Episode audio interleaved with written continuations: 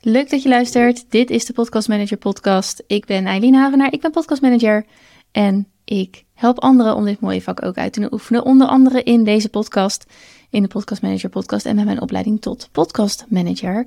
Die trouwens vandaag, ik neem dit op op maandag 29 januari en we starten over een week. Mega veel zin in. Alright, vandaag, wat is de ROI van een podcast? Oftewel, wat levert het me op?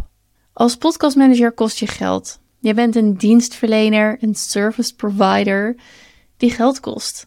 En als het goed is, is met jou in zee gaan een wel overwogen besluit van de klant. Maar er kan een moment komen waarop de klant of de lead in een kennismakingsgesprek aan jou vraagt: wat is de ROI van een podcast? Wat levert het me op? ROI is ROI en staat voor Return on Investment. Dus wat krijg ik terug van mijn investering? Laat me je dit zeggen. Allereerst ben jij daar niet verantwoordelijk voor. Als podcastmanager ben je niet verantwoordelijk voor wat de podcast de klant oplevert. Jij verleent een dienst. Jij helpt de ondernemer of de organisatie of de podcaster met het maken en publiceren van een podcast. Jij zorgt ervoor dat de podcast zo online staat dat de kans op succes het grootste is. Dat bijvoorbeeld de podcaster consistent blijft opnemen en publiceren en dat de teksten de podcast ondersteunen. Maar jij bent niet verantwoordelijk voor het succes. Hoewel je er jouw kennende alles aan zal doen om dat succes mogelijk te maken. Maar het is niet jouw schuld als succes uitblijft. Maar natuurlijk kun je de klant wel helpen. Je kunt wel meedenken over hoe de podcast tot een succes gaat komen. Hoe de podcast ook de investering weer terug gaat verdienen voor de klant. Daarover iets later meer. Maar de eerste stap naar helderheid is om met elkaar te bepalen wat succes is.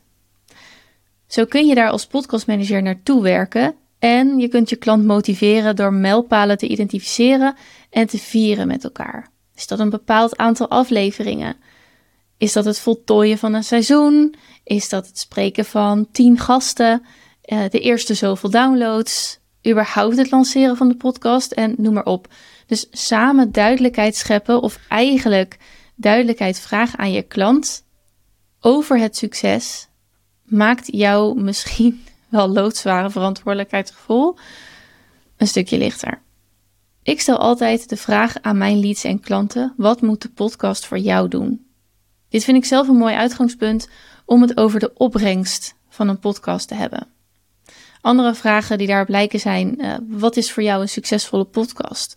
Of hoe ondersteunt de podcast jouw doelen? Of wat wil je dat de podcast jou oplevert? In een groot deel van de gevallen zal het zijn dat deze podcast marketing nieuwe leads en klanten oplevert. En je kunt zover gaan als te kijken hoeveel van product X verkocht moet worden om de investering eruit te halen. Ik zou er zelf wat terughoudend in zijn, want dit is een rekensom die bij de klant thuis hoort. Je kunt er wel over sparren, je kunt er naar vragen, zodat je weet waar je samen naartoe werkt. Welk product wordt er idealiter via de podcast verkocht. Vraag de klant hoe die haar geld verdient. Blijft dit een vaag verhaal, maar wil ze je wel inhuren voor de prijs die je neerlegt? Neem de klant dan gerust aan, maar hou er rekening mee dat ze uiteindelijk eerder geneigd is om weer te stoppen of de samenwerking te stoppen, omdat het toch, tussen aanhalingstekens, te veel investering vraagt en te weinig oplevert. Maar een podcast levert ook meer op dan de verkoop van producten of diensten. Samenwerkingen die je aan kunt gaan. Je kunt je netwerk verder versterken, uitbouwen of versterken, de, de relaties die je al hebt sterker maken. Je hebt toegang tot mensen waar je anders niet bij zou kunnen. Vraag of iemand in je podcast wil, is vaak een brug die je kan slaan om contact te krijgen met iemand die je graag wilt leren kennen. Je kunt leren spreken je spreekvaardigheden zoveel verbeteren omdat je het gewoon vaker doet. En ook het opbouwen van je expertstatus. Dit is maar lastig in geld uit te drukken, maar ook dat is return on investment. En werken met jou is daarbovenop nog lucratief, omdat ze tijd en energie vrijmaakt. De dingen die jij doet, hoeft zij niet meer te doen. En je doet het waarschijnlijk ook beter. De ROI, de return on investment, is altijd afhankelijk van de energie die de ondernemer of de organisatie of de podcaster er zelf in stopt. Jij kunt de kans op succes zo groot mogelijk maken. Dus je kunt er wel aan bijdragen. Maar uiteindelijk is de ondernemer daar zelf de grootste kracht in. Overigens heb ik een soortgelijke disclaimer in mijn afsprakendocument slash samenwerkingsovereenkomst staan.